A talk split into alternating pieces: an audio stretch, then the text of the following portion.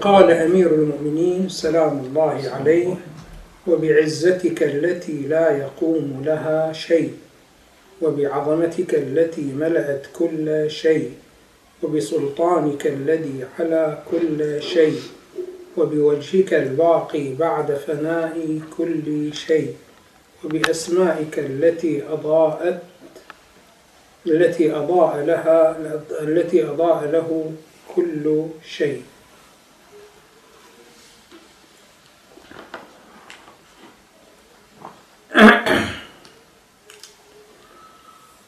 واقعا كلام أمير المؤمنين سلام الله عليه يحتاج إلى مقدمات كثيرة وكثيرة جدا جدا باعتبار أن كلامه صادر من مقام التوحيد. يعني الإمام أمير المؤمنين سلام الله عليه وهو يتكلم مفردات هذا الدعاء كان يعيش حالات التوحيد.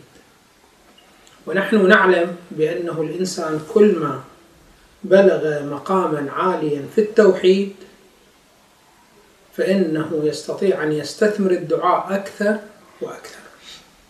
فلذلك قيمة الدعاء يختلف. باختلاف مرتبة التوحيد عند من يقرأ الدعاء وعند من يتوجه إلى الله سبحانه وتعالى بالدعاء. فالموحد دعاؤه يختلف عن بقية الناس. وإن شاهدت أنت الألفاظ تكون واحدة ولكنها من حيث الروح تختلف. فلذلك جدا شنو هذا مهم؟ أنه الإنسان يقوي نفسه في عنصر التوحيد حتى يستطيع أن يعرف كيف يدعو الله سبحانه وتعالى وحتى يتعلق بالله سبحانه وتعالى التعلق المراد والمطلوب. فإذا استثمار الدعاء إنما يكون بالتوحيد. بقدر ما تكون موحد تستطيع أن تستثمر الدعاء أكثر فأكثر. من هنا راح نتكلم الليلة في مقدمة قصيرة حول المراتب التي صار فيها التوحيد. إلى من أدنى مرتبة كانت موجودة إلى أرقى مرتبة موجودة. ابتداء الأرض يقولون لم تخلو من التوحيد. ففي الواقع الشرك أمر حادث والتوحيد هو الأصل. ولكن عندما نتكلم نحن حول التوحيد إنما نتكلم حول المنتشر من التوحيد في الناس. فأول مرتبة كان التوحيد عليها هو توحيد الخالق فقط. والقرآن ينص على هذا ولئن سألتهم من خلق السماوات والأرض يقولون الله. فالمشركون يعترفون بأن الخالق هو الله سبحانه وتعالى. فالأرض لم تخلو من توحيد الخالقية يعبر عنه ولكن ما كان توحيد للربوبية. حيث قالوا بأن الله سبحانه وتعالى هو خلق الأشياء كلها ثم ماذا صنع؟ فوض تدبير هذه المخلوقات إلى بعض المخلوقين هم قالوا بأن هناك بعض المخلوقات مخلوقات شريفة مخلوقات قدسية مثل بعض الملائكة أو بعض كبار الجن أو بعض كبار الإنس فالله سبحانه وتعالى خلق كل هؤلاء الجميع ولكنه أسند تدبير الكون إلى من؟ إلى بعض القديسين سواء كانوا من الملائكة أو من الجن أو شنو ماذا أو من البشر فهذا كان شنو ماذا في الأول عندنا توحيد خالقية وما موجود توحيد ربوبية ثم جاء توحيد الربوبية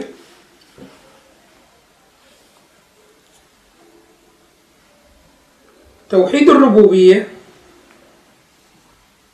وهو عبارة عن التدبير وهو يرجع كل التدابير الموجودة في عالم الإمكان يعني عالم ما سوى الله سبحانه وتعالى يرجع التدابير كلها لأمر لله سبحانه وتعالى. فالله سبحانه وتعالى ما خلق الخلق وتركهم وإنما صلته بالخلق ما زالت موجودة. لأنه من كان يكون بالتوحيد في الخالقية فقط يقولون هكذا بأن الله سبحانه وتعالى خلق الخلق والآن شنو ماذا فوض أمر التدبير إلى من؟ إلى بعض المخلوقات فأنتم أيها الخلق إذا تريدون شيء لا تذهبون إلى الله سبحانه وتعالى لأن الله سبحانه وتعالى رفع يده عن الكون وإنما اذهبوا إلى من؟ إلى هؤلاء القديسين فإذا قطعهم لتدبير للتدبير الإلهي معناه قطع إلى الصلة الإلهية بالمخلوقات. الله سبحانه وتعالى يقول لا أنا ما رفعت يدي عن المخلوقات. فأنا الذي خلقتهم وما زلت أنا الذي أدبر أمرهم. فأي شيء تريدونه عليكم شنو هذا بالله سبحانه وتعالى. فلذلك واضح عندما نلاحظ في المتون القديمة جدا جدا ما نلاحظهم يدعون الله سبحانه وتعالى وإنما يدعون بعض المخلوقات لماذا؟ لأنه يقولون بأنه ما نطلبه نحن بالدعاء كله مرتبط بالتدبير والله سبحانه وتعالى لا علاقة له بالتدبير فلماذا ندعو؟ وإنما ندعو ونتوسل لمن؟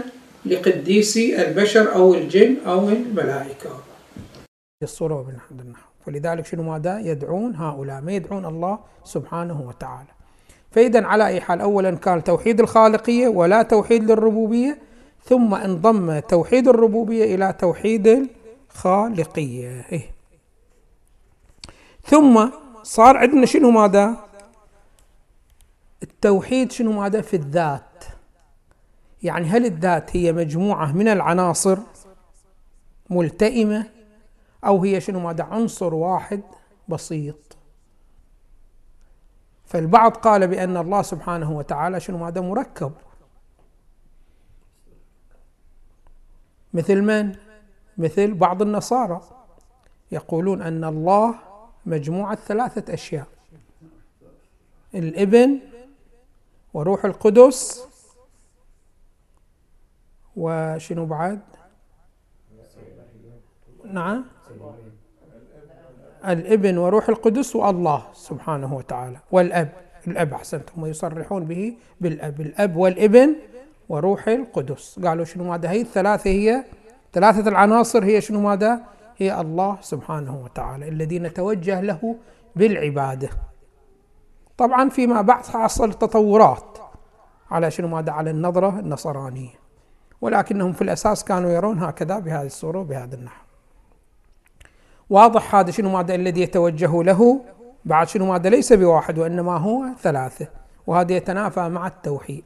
هذه مفردة من مفردات الشرك. فإذا انتقل من توحيد الخالقية إلى توحيد الربوبية ثم إلى توحيد الذات. فمن يرى أن الذات مركبة من عدة عناصر فهو ليس بموحد. ثم فيما بعد حصل شنو هذا اختلاف آخر. الآن الصفات صفات الكمال. هل هي زائدة على الذات المقدسة أم لا؟ فالبعض قال بأنها شنو ماذا زائدة؟ والبعض قال لا هي شنو ماذا عينه. فصار شنو ماذا؟ التوحيد مرتبط بالصفات. فإذا صار عندنا الآن كم قسم من أقسام التوحيد؟ أربعة. توحيد الخالق توحيد الرب توحيد الذات توحيد شنو ماذا؟ الصفات. هي تقريبا شنو ماذا؟ إلى ما قبل النبي صلى الله عليه وآله.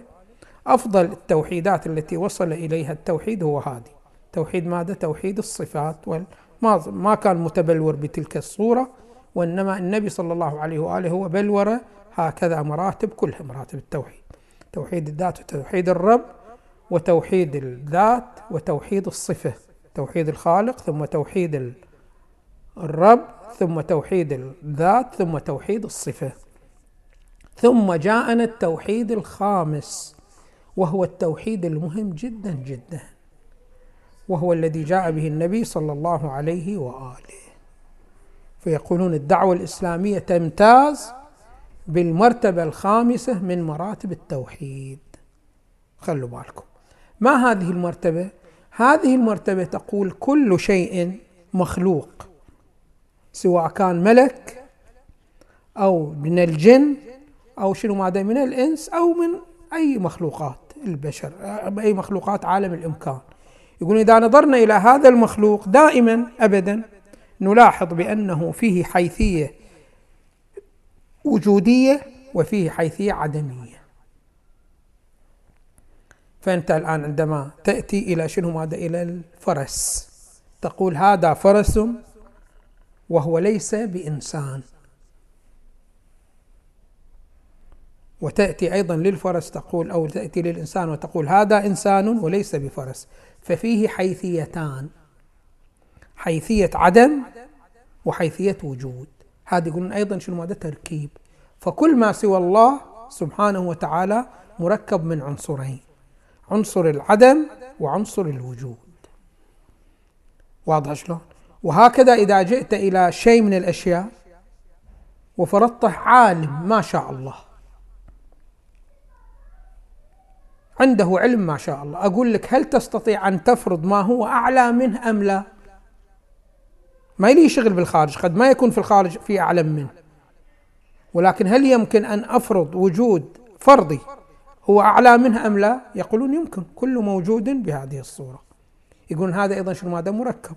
فإنه أنت إذا فرض فرد أعلى منه يكون هذا فاقد لميزة ذاك فيكون هذا مركب شنو هذا من حيثية وجود ومن حيثية عدم هنا يقولون الله سبحانه وتعالى ليس مركب من هكذا حيثيات فالله سبحانه وتعالى يمتاز عما سواه بماذا؟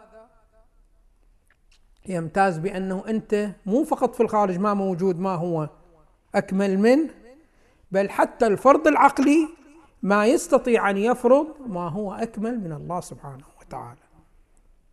فالله سبحانه وتعالى له الملك له الملك وله السلطنة على كل شيء. بحيث ما يمكن أن أفرض سلطنة هي أعلى من سلطنته فيكون هو فاقد. لا هو موجود عنده كل سلطنة يمكن أن تفرض كسلطنة. وهو أيضا واجد للعلم كل علم يمكن أن يفرض هو علم. فما يمكن أن أفرض مرتبة من المراتب العلم هو يفقدها تعالى بهذا النحو وبهذه الصورة. فالله سبحانه وتعالى كما يعبر عنه الفلاسفة بأنه صرف الوجود. يعني شنو صرف الوجود؟ يعني ما تلاحظ في الذات الإلهية إلا الوجود المحض. ما يمكنك أن تفرض أي عدم لأي كمال من الكمالات أو لأي مرتبة من مراتب الكمالات. هذا هو التوحيد النهائي. وهذا التوحيد ما موجود في كل الشرائع فقط موجود في الشريعة الإسلامية. واتضح بصورة واضحة جدا في عبارات الإمام أمير المؤمنين سلام الله عليه. فلذلك أمير المؤمنين عنده عبارة جدا عجيبة. يقول كل موجود سوى سبق العدم وجوده. الا الله سبحانه وتعالى فقد سبق وجوده العدم.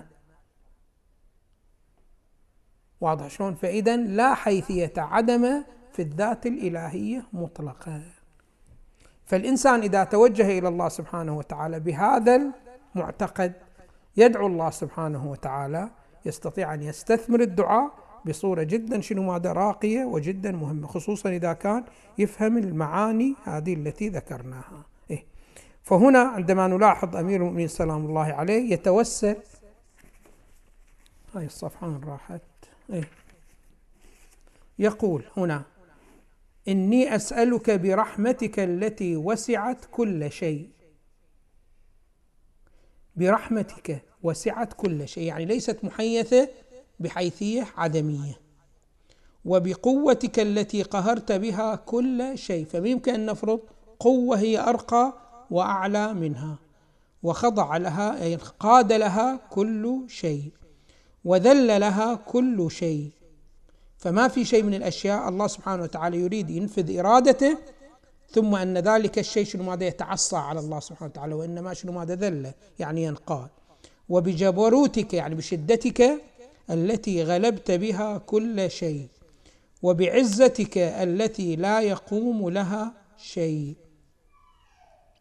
أي عزة؟ عزة معناه أنه شنو ماذا؟ ما يستطيع أي شيء من الأشياء أن ينال منك أنت. عزتك ما يستطيع أن يقوم أمامها أي شيء من الأشياء. وبعظمتك التي ملأت كل شيء وبسلطانك نفذ الذي على كل شيء. وبوجهك الباقي بعد فناء كل شيء. هنا عندنا أيضا وقفة توحيدية في هذه العبارة المباركة وبوجهك الباقي بعد فناء كل شيء. نحن نقرأ في القرآن الكريم. بسم الله الرحمن الرحيم.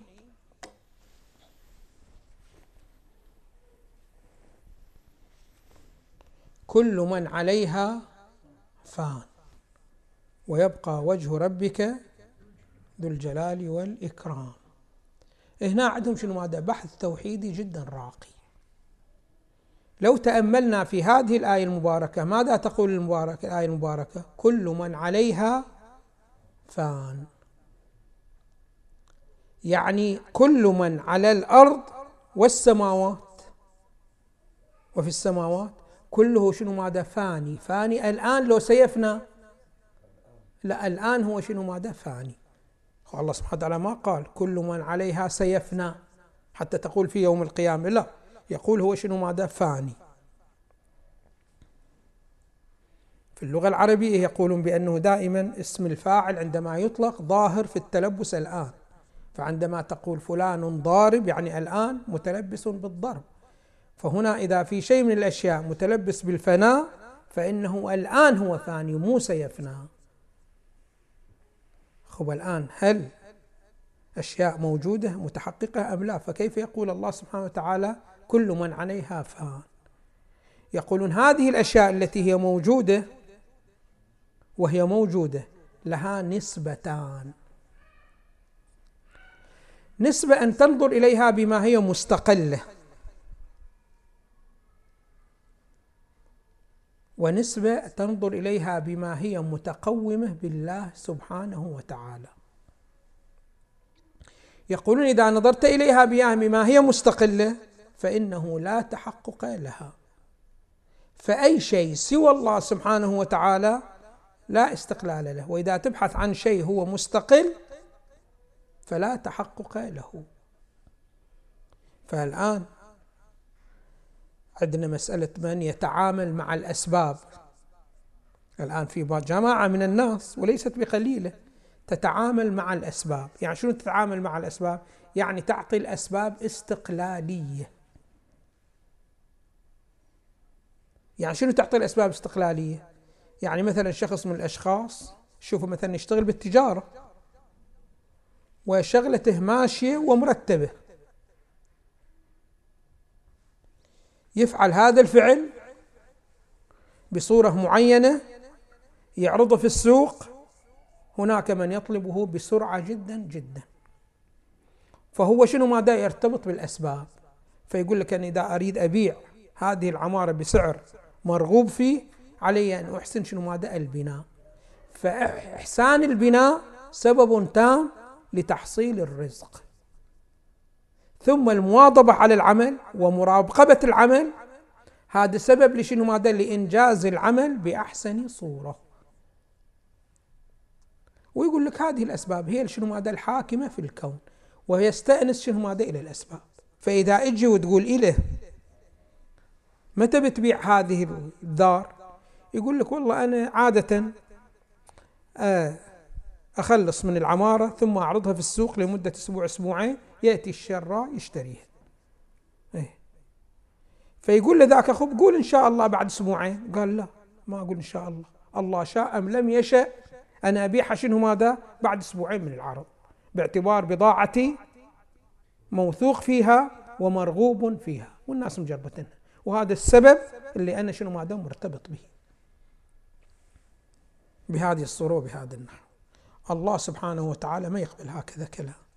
باعتبار أن وجودات هذه الأسباب مو ما إليها وجودات لها وجودات ولكن هذه الأسباب لا تستطيع أن تؤثر إلا بماذا؟ إلا بالارتباط بالله سبحانه وتعالى وبإذن الله سبحانه وتعالى. فالله سبحانه وتعالى يقول بأن هذه الأسباب هي إذا أردنا نمثل إليها في عالمنا الآن أنت عندك شنو ماذا؟ قيامك. هل يمكن أن أشير إلى قيامك بدون ما أشير إليك؟ قطعا لا. وهل يمكن أن يجود قيام يوجد قيامك بدونك أنت؟ لا القيامك متقوم بك. جلوسك متقوم بك. هيئتك هيئتك أنت. فهذه ما نستطيع شنو ماذا أن نفصلها عمن عنك أنت. فإذا نظرنا إلى قيامك كقيام مستقل فهل هو موجود أم لا؟ ليس موجود. الذي موجود هو القيام المتقوم بك أنت. أما القيام المستقل هذا شنو؟ ماذا وهم. الله سبحانه وتعالى يقول هذه الأسباب كلها هذه الأسباب كلها كلها مرتبطة بمن؟ بإرادة الله سبحانه وتعالى وقائمة من حيث الوجود بالله سبحانه وتعالى. فكيف قيامك لا يتحقق إلا بك وبإذنك وبقدرتك؟ كذلك كل هذه الأسباب الموجودة. سواء كانت أسباب عظيمة أو أسباب شنو ماذا؟ متواضعة. كلها راجعة إلى من؟ إلى تصرف الله سبحانه وتعالى. فإذا كل شيء من الأشياء هو في الواقع الآن فاني لا تحقق له. ولكن إذا ربطته بالله سبحانه وتعالى هو يكون شنو ماذا؟ موجود. شوفوا بالضبط بالضبط مثل شنو ماذا؟ مثل الصفر.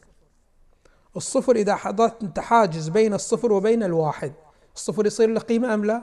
ما يصير له قيمة يعني ضلت له مستقل ما له قيمة. ولكن إذا ربطت بالواحد ورفعت الحاجز عند ذلك يصير عشرة. كذلك كل هذه الموجودات إنما تكون لها قيمة بعد أن ترتبط بالله سبحانه وتعالى. من دون الارتباط بالله سبحانه وتعالى لا قيمة لها. فلذلك يقول سلام الله عليه وبوجهك الباقي بعد فناء كل شيء. وبأسمائك التي ملأت أركان كل شيء. الأسماء الإلهية هذه في مصطلحات هذه تدرس الآن ويتعرض لها في علم العرفان. فعندهم هناك عندهم مصطلح الذات والأسماء والصفات والأفعال. فيقولون اولا شنو ماده الذات؟ والذات المقدسة يقولون ليس لها قالب يحدها. باعتبار إذا فرض لها قالب تكون شنو ماده تكون محدودة. والحال هي شنو ماده ليست محدودة فلا قالب لها. ويعبر عنهم باصطلاحهم لا تعين لها في لغتهم. فمقام الذات المقدسة لا تعين. وإذا أصريت أن تقول لها تعين فتعينها لا تعين. بهذه الصورة وبهذا النحو. ثم فيما بعد ينضم إليها وصف معين. فأنت تحصل على شنو؟ ماذا على اسم. فمثلا تأخذ الذات المعينة وتضم إليها شنو؟ ماذا الرزق صفة الرزق. فيقولون يحصل عندك شنو ماذا الرازق. فعندك الذات وحدها الذات ما يحصل لها اسم. ولكن ماذا تأتي وتنضم إلى وصف آخر مثل وصف الرزق. فيقال شنو ماذا رازق. فالرازق يقال اسم من الأسماء. الرحيم الذات تنضم إلى شنو ماذا إلى الرحمة. فيصير شنو ماذا الرحيم اسم. الرحمن أيضا شنو ماذا اسم. فدائما شنو ماذا الاسم هو عبارة عن الذات بالإضافة إلى وصف من الأوصاف المعينة. فالله سبحانه وتعالى يتسمى بالأسماء ولله الأسماء الحسنى. فكل اسم حسن فلله سبحانه وتعالى أحسن مرتبة فيه. لله الأسماء الحسنى. ثم تأتي مرتبة الأفعال. الأفعال هي تأتي في المرتبة الأخيرة. فالأفعال مسبوقة بالأسماء والأسماء مسبوقة بالصفة والذات. فهنا الله سبحانه وتعالى أي فعل يريد أن يفعله في هذا العالم في عالم الإمكان لا بد أن يظهر من خلال اسم من الأسماء. فأنت إذا طلبت الرزق من الله سبحانه وتعالى لازم تخاطبه شنو ماذا؟ بالرزاق. ما تخاطبه بأنه شنو ماذا؟ بالرؤوف أو بشديد العقاب. لا هذا ما يتناسب مع ما تطلبه. فلذلك إحنا نلاحظ إذا تقرون في الآيات القرآنية في القرآن الكريم تلاحظون الله سبحانه وتعالى يتكلم عن فعل من الأفعال ثم يذيل في الآية بذكر وصف من الأوصاف. ذو القوة المتين الرحمن الرحيم وإلى آخره. يذكر فعل من الأفعال ثم يذيله. يريد يبين بأنه الله سبحانه وتعالى صدر منه هذا الفعل بعد أن تعين وتقولب بهذا القالب. فلذلك دائما من أدب الدعاء أنه تسمي الله سبحانه وتعالى بما يناسب الحاجة التي أنت تطلبها من الله سبحانه وتعالى. وبوجهك الباقي بعد فناء كل شيء وبأسمائك التي ملأت أركان كل شيء وبعلمك الذي أحاط بكل شيء. يعني الله سبحانه وتعالى له العلم مو كعلم الإنسان. فإن علم الإنسان صحيح فيه أصل الانكشاف ولكنه مملوء بالنواقص. فإن علم الإنسان قابل للتعميق. علم الإنسان قابل لشنو ماذا؟ للتغير. فقد يكون شيء من الأشياء الآن شنو ماذا؟ علم صحيح خصوصا في العلوم العملية. ولكنه في مرتبة أخرى من المراتب يكون هذا العلم غير صحيح. يعني العلم في زمان من الأزمنة تترتب عليه مصلحة في زمن آخر لا يترتب عليه المصلحة. أو قد نحسبه بأنه علم ولكنه ليس بعلم وإنما هو جهل. يتضح لنا شنو ماذا فيما سيأتي. أما علم الله سبحانه وتعالى فيمتاز. بأنه علم عميق فما يمكن أن يتكامل. والأمر الثاني ما يمكن أن يكون خطأ. والأمر الثالث أنه ليس له مرتبة محدودة. الآن مثلا علم الإنسان لا له علم مرتبة محدودة مثلا. فأنت عندك إنسان مثلا له علم بالطب ولكن ما له علم بشنو مادة؟ بالفيزياء. أو له علم بالفيزياء ما له علم شنو مادة؟ بعلم الاجتماع وهكذا. أما الله سبحانه وتعالى فكل ما هو علم فهو عنده. مو فقط هكذا بل العلم الذي عنده ما يمكن أن نفرض ما هو أكمل منه. واضح شلون؟ بهذه الصورة وبهذا النحو. فلذلك الآن نحن عندما نطالع في القرآن الكريم تلاحظ القرآن مائدة. فيها مفردات مرتبطة بعلم الاجتماع فيه مفردات مرتبطة بعلم الاقتصاد فيه مفردات مرتبطة بعلم السياسة. وهكذا ما شاء الله. فيه مفردات مرتبطة بعلم الطب. لماذا؟ لأنه صادر عن الله سبحانه وتعالى. والله سبحانه وتعالى مو مثل شنو ماذا البشر. فلذلك ما تجري عليه حكم أحكام البشر. فلذلك تلاحظون بأنه القرآن ما شاء الله يركز جدا على مادة التسبيح. ما هي مادة التسبيح؟ تنزيه الله سبحانه وتعالى عن صفات المخلوقين. فالمخلوقين دائما موجودات محدودة. الله سبحانه وتعالى وجود ليس بمحدود.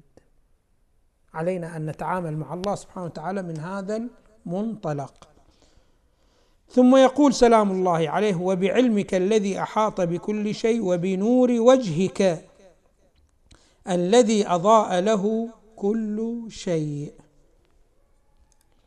يقول الفلاسفة أن الله سبحانه وتعالى يمتاز عن سائر الموجودات بأنه هو عين الوجود يعني حقيقته هي الوجود. بقية الموجودات لا حقيقتها ليست هي الوجود وإنما لها حقيقة ثم الله سبحانه وتعالى يرشها بالوجود. فالوجود يقولون تعريف الوجود هو الظاهر بذاته وبنفسه المظهر لغيره. فعندنا شنو ماذا الحقائق طبعا ما سوى حقيقة الله سبحانه وتعالى. كلها ليست متصفة بالوجود. لو لم ننظر لارتباطها بالوجود هي لا تتصف بالوجود. فأنت تقول أنا إنسان ولكن لم أكن موجود ثم وجدت وجدت. هذا معناه أنه حقيقتي ليست هي عين الوجود وإنما الوجود شيء زائد على شنو؟ ماذا؟ على حقيقتي فيقولون الوجود هو المظهر لذاته وبقية الحقائق يظهرها الوجود. مثل شنو؟ ماذا؟ مثل أنت النور. النور يقولون هو مظهر لذاته ظاهر لذاته. وهو النور مظهر لمن؟ للأجسام المظلمة مظهر لغيره. فأنت عندك الآن شنو؟ مثلا هذه الساعة ما هو الذي يظهرها؟ النور. والنور من الذي يظهره؟ لا بعد لا تسأل النور من هو يظهره خطأ السؤال. فإن النور هو ظاهر بذاته مظهر لغيره. كذلك الوجود هو ظاهر بذاته ومتحقق بذاته وموجد لغيره من الحقائق الأخرى إلا الله سبحانه وتعالى. فإن وجوده عينه. فلذلك الله سبحانه وتعالى ما نستطيع أن نفصل حقيقة عمن عن الوجود. الوجود هو عين الله سبحانه وتعالى. ولذلك هو شنو ماذا هو الذي يضيء كل شيء. فما يمكن أي شيء شنو ماذا أن يضيء يعني يخرج من كتم العدم إلى حيز الوجود إلا بمن؟ إلا بإشراق الله سبحانه وتعالى عليه من نوره. عند ذلك شنو ماذا يظهر. فإذا كل شيء هو محتاج إلى الله سبحانه وتعالى. ومن هنا يتضح لنا أمر. أن الدعاء على نحوين. عندنا دعاء لفظي. واضح شلون؟ انت توقف امام الله سبحانه وتعالى وتدعوه ربي ارزقني ربي زدني علما ربي ارزقني فهما. والى آخره. هذا دعاء شنو؟ ماذا لفظي. وعندك دعاء تكويني تطلبه باستعدادك. فأنت الآن مثلا نفرضك أنت عندما شنو؟ ماذا ولدت وأنت صغير. وكنت أنت شنو؟ ماذا عاجز. أنت ما تتذكر يوم من الأيام وقفت أمام الله سبحانه وتعالى وقلت يا ربي أنا عاجز فارزقني قدرة أتحرك بها وأحمل الأثقال بها وإلى آخره. في أحد سأل الله سبحانه وتعالى هكذا شيء؟ ما في. ولكن هو يقولون هو يسأل الإنسان. يقولون يسأل شنو؟ هذا بإستعداده وبتكوينه. فأنت من حيث التكوين أيضا رافع يدك إلى الله سبحانه وتعالى وأيضا شنو هذا؟ من حيث التلفظ أيضا ترفع وتقدم دعائك إلى الله سبحانه وتعالى. فالدعاء على نحوين دعاء لفظي ودعاء تكويني استعدادي مرتبط باستعدادك فأنت كل شيء مستعد له في الابتداء أن تحصل عليه. العلم القدرة الحياة. فأنت تسأل الله سبحانه وتعالى شنو ماذا أن يعطيك ذلك. فالدعاء شنو ماذا أعم شنو ماذا من الدعاء اللفظي. واضح شلون؟ فاذا الإنسان مو فقط هو مشغول بالدعاء حين اليقظة وإنما حتى وأنت نائم أنت تدعو الله سبحانه وتعالى.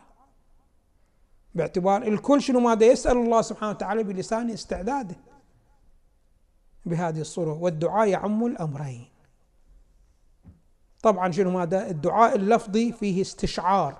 إلى الدعاء فتكون عبادة الدعاء اللفظي أعم من عبادة الدعاء التكويني. الدعاء التكويني كما يصدر من المؤمن يصدر من الكافر فإن الكل يسأل الله سبحانه وتعالى. شوفوا أكبر الطواغيت وأكبر المشركين هو من حيث التكوين. يسأل الله لو مستقل عن الله سبحانه وتعالى يسأل الله سبحانه وتعالى ولكن ما يستشعر هكذا شنو ماذا سؤال. بالدعاء اللفظي تستطيع شنو ماذا أن تستشعر. فلذلك الثواب والعقاب يرتبط مو بالدعاء التكويني وإلا الكل شنو ماذا يدعو دعاء الله سبحانه وتعالى تكوينا وانما مرتبط شنو ماذا بالدعاء اللفظي. هذا شنو ماذا الثواب شنو ماذا والعقاب. والدعاء الذي يقول عنه النبي صلى الله عليه وآله إنه مخ العبادة ليس الدعاء التكويني والاستعدادي فإن المشرك ما مسجل له عبادة. واضح مع أنه يدعو الله سبحانه وتعالى باستعداده وإنما الدعاء اللفظي هو الذي يكون شنو؟ ماذا مخ العبادة. الذي يبينه النبي صلى الله عليه وآله. والحمد لله رب العالمين وصلى الله على محمد وآله الطيبين الطاهرين. اللهم صل على